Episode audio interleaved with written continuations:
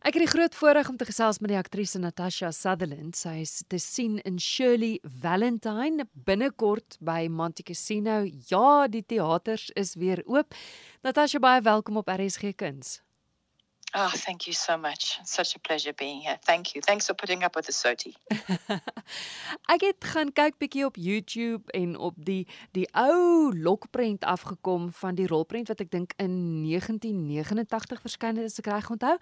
Ja, ek, met Pauline Collins. Ja, ek wonder altyd, was die rolprent voor die teaterstuk daar? No, apparently I hope I've got my facts straight. That Willy Russell wrote the play first. Good. So the play, the play, I think did so well. Um, they made they made a movie from the play, but obviously most people associate Shirley Valentine with the movie because it was so popular, and Pauline Collins was just so amazing. So die teks waarna jy nou te sien is, is dit nog steeds dieselfde een as die een van jare terug? Yeah, I think Willy has um because it's such a a resilient text. You know, it's stood the test of time. I think as it's gone along, he has made adjustments and and you know slight tweaks and cuts here and there. But I mean, basically, yeah, it is the the same text that he um, wrote back in the 80s when it first came out.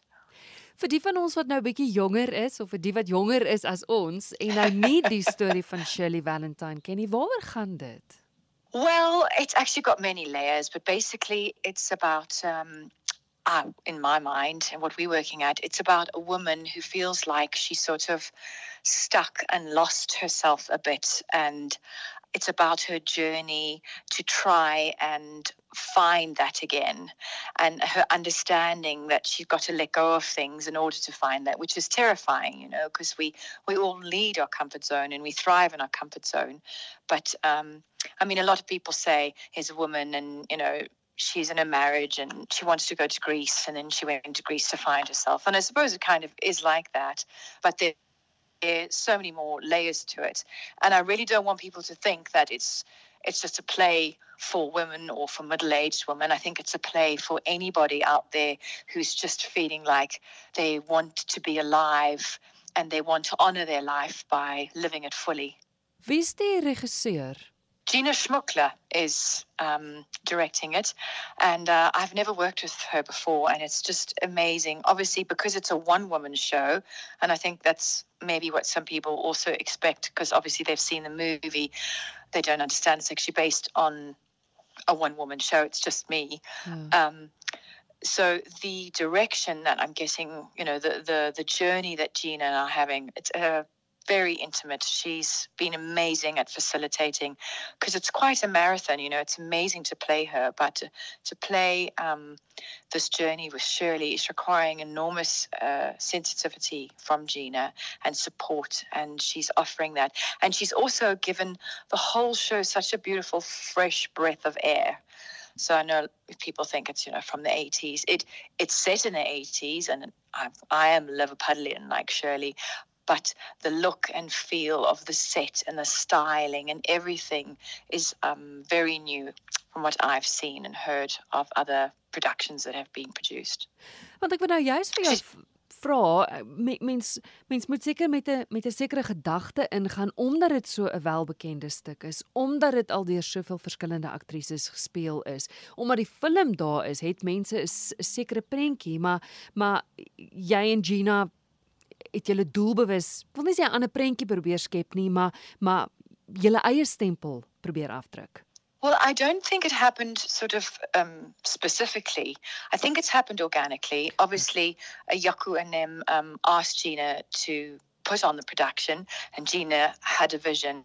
And then I, you know, I auditioned along with a lot of very amazing actresses, and was very fortunate that Gina chose me to be her Shirley and uh, have aligned with her vision, um, which I think is beautiful. But I think it is pretty, it's always at the back of my mind that it's pretty daunting because it's an iconic role.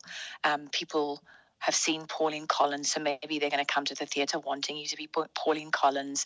Amazing actresses have played this. I mean, Shaleen Surtie-Richards, you know, did a very contemporary, I think, South African take on this quite a few years ago. Mm. But um, I think we've just got to keep coming back to the fact that any Shirley Valentine production will have its own brand of magic, depending on the actress and the director, of course. But ultimately, the text that Willy Russell has written is so strong that that message will come across. It will. Wat is vir die grootste uitdagings want want ek weet soos jy nou sê jy is alleen op die verhoog en ek dink Shirley het 'n aksent ook maar maar vir jou is Natasha wat wat is die grootste uitdagings van die rol? Oh, take your pick. um, there's yeah, there's so many, and obviously I'm doing it in a Liverpudlian accent. That's one challenge. The other challenge is I'm not as Natasha trying to act the other characters, you know, that people are used to in the movie. I am trying to do Shirley's take on the characters in her life her daughter, her husband, Costas, um, the Greek guy on the island, you know. So there's taking on the characterization of not just Shirley, but the people in her life. And then there's finding the vocal, physical, emotional stamina to run a two act, one woman show.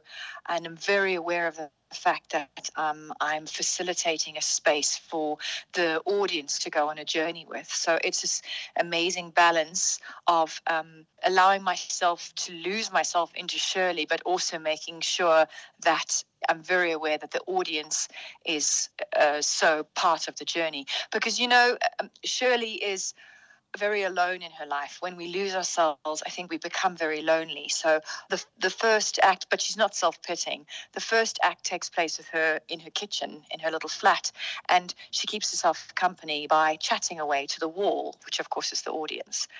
And I was just saying, I find it very funny after lockdown. I think everybody can um, associate with that because who of us didn't talk to? We talked to our walls, didn't we, to try yeah. keep ourselves sane during that time. So those are challenges. And then, of course, there are other challenges, just like um, being a single mom and doing this and juggling home life and boys and that sort of thing. But I mean, that goes with, with everybody in life and work. It's um, it's quite a quite a juggle, yeah.